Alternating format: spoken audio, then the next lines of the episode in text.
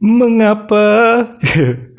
Oke, kalian pasti pernah dengar kan kalau misalnya negara tetangga itu pasti saling berantem. Misalnya kayak Irlandia dengan Inggris, Indonesia dengan Malaysia, Palestina dengan Israel, ibu dengan bapak. Tapi bener nggak sih kalau itu cuman masalah lahan? Jadi saya besar di Pulau Bintan ya, itu dekat dengan Malaysia. Kalau misalnya kalian main-main ke sana, ada kota namanya kota Tanjung Pinang. Terus kalian main deh ke perpustakaan kota, tanya sama petugas di sana mau cari buku sejarah tentang Pulau Bintan. Nah, yang perlu kalian baris bawahi nanti kalian akan lihat di sana kalau misalnya Pulau Bintan itu dulunya tempat para perompak Malaysia buat ngejarah. Wait, wait, ini bukan mau provokasi ya, bukan mau ganyang Malaysia seperti kata Pak Soekarno. Tapi beneran loh, kalau kita tuh sebenarnya agak cekcok di sana dengan rakyat Malaysia. Buat kalian yang mungkin tinggal di Pulau Jawa, Pulau Sulawesi, nggak begitu kerasa ya, karena jauh. Tapi dulu sempat kan kalau Pak SBY jadi declare war beberapa waktu tahun lalu, wah jangan sampai deh, soalnya keluarga saya di sana. Yang kena imbasnya pasti yang terdekat dulu, bukan yang jauh kan. Waktu zaman sekolah dulu, saya sempet pernah punya pengalaman nggak mengenakan lah dengan orang Malaysia. Ya kita sebut aja lah oknum ya. Di sana itu ada tempat namanya Malay Square. Sekarang sih udah tutup. Jadi kayak tempat makan gitu. Kita di sana bisa makan kayak seafood gonggong ya macam-macam lah. Uh, mostly seafood. Uh, jadi turis Malaysia ini sangat merendahkan kita gitu. Saya sempat ngelihatnya kok kenapa gini. Mereka kayak yang rendahin banget lah gitu. Tapi emang gak semuanya lah. Sama aja sih. Di tiap negara mana pun pasti ada yang baik, ada yang enggak ya kan? Oh iya, kalian mesti nonton film Malaysia apa ya nama judulnya? Jadi itu menceritakan tentang kerajaan zaman dahulu. Nah, di film tersebut um, kerajaan Malaysia, kerajaan Thailand, kerajaan Cina bersatu untuk melawan kerajaan Jawa.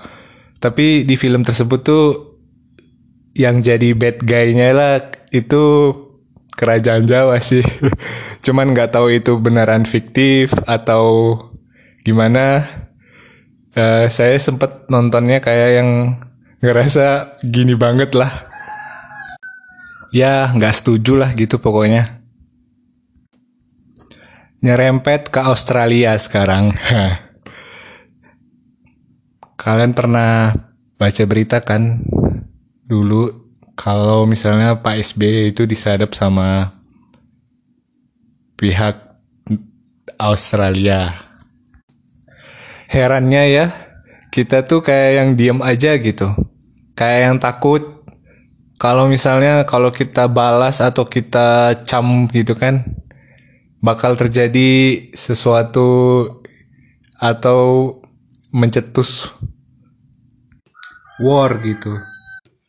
Padahal kalau menurut analisa saya ya nggak akan sampai parah juga jadi sadap menyadap nih udah hal lazim sih sebenarnya karena kita udah di zaman teknologi ya. Ka informasi semua sudah tersimpan di internet. Jadi mau nggak mau buat jaga-jaganya memang harus lewat telekomunikasi. Misalkan, misalkan kalau perang dunia ketiga kejadian gitu.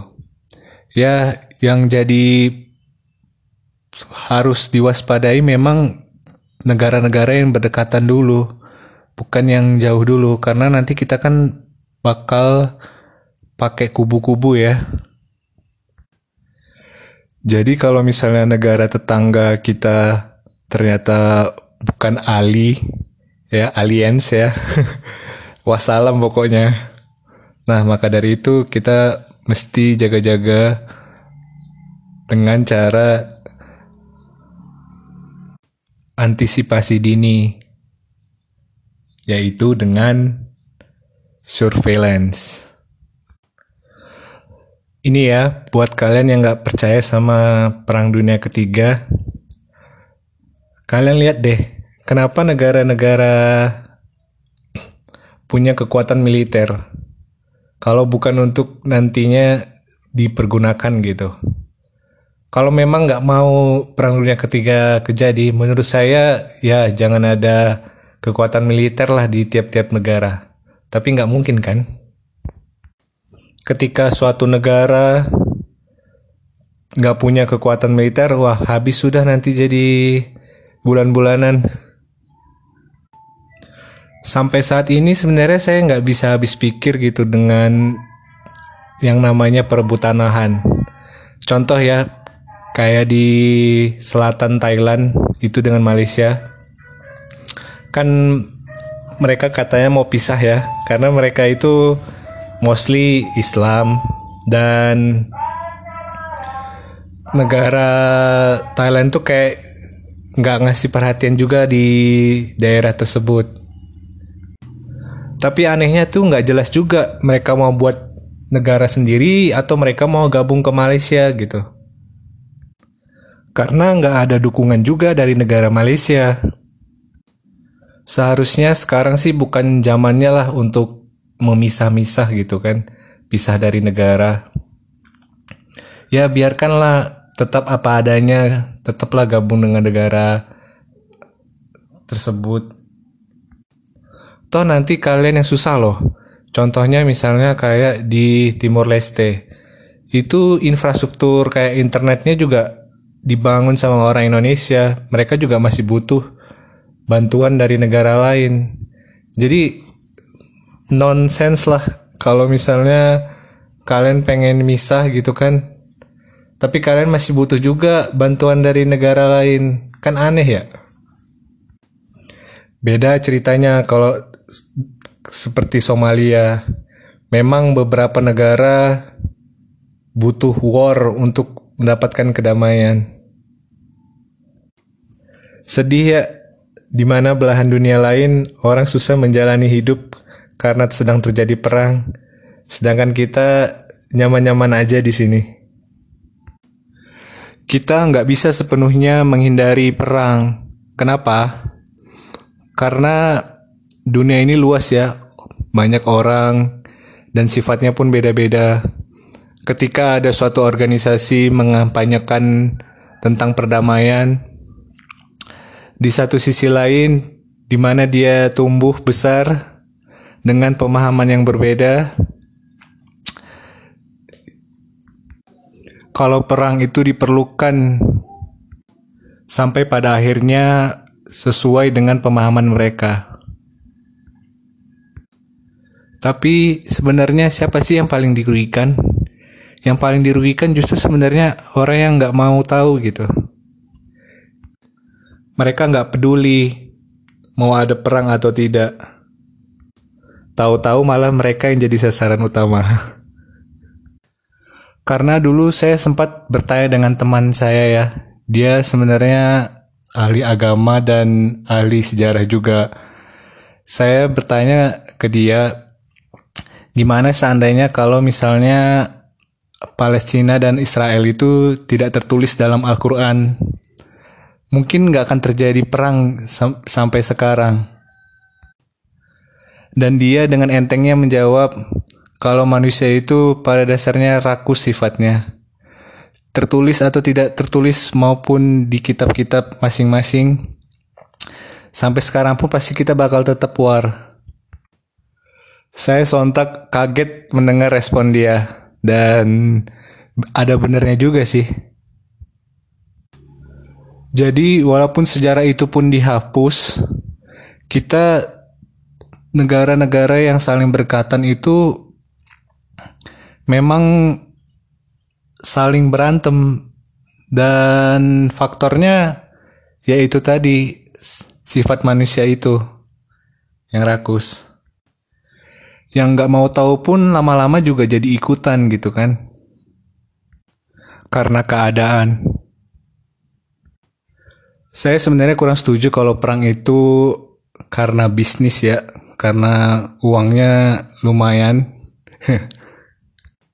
Karena seperti pepatah siapa ya namanya lupa lagi.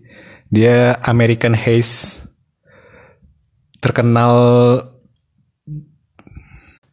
karena rampok banyak bank dia bilang gini kalau sebenarnya uang itu hanya sebagai reward aja dia mencuri karena dia suka gitu kira-kira nah sama aja kayak perang. Mungkin bukan untuk bisnis juga, karena manusianya yang suka. Atau misalnya kayak teroris, itu bukan jihad juga, karena memang psikopat aja. Terus mau dia teroris, mau dia intel yang membela negara, sama-sama aja sih. Di akademi mereka dicuci otak juga. Oke, jadi itulah kenapa suatu negara saling sikut dan mesti mau nggak mau harus saling sadap. Karena ya di depan media, di depan TV, pidato, memang kita harus kelihatan baik-baik aja. Padahal sih sebenarnya di belakang enggak ya. Oke, saya Teguh, sign out. Ganyang Malaysia.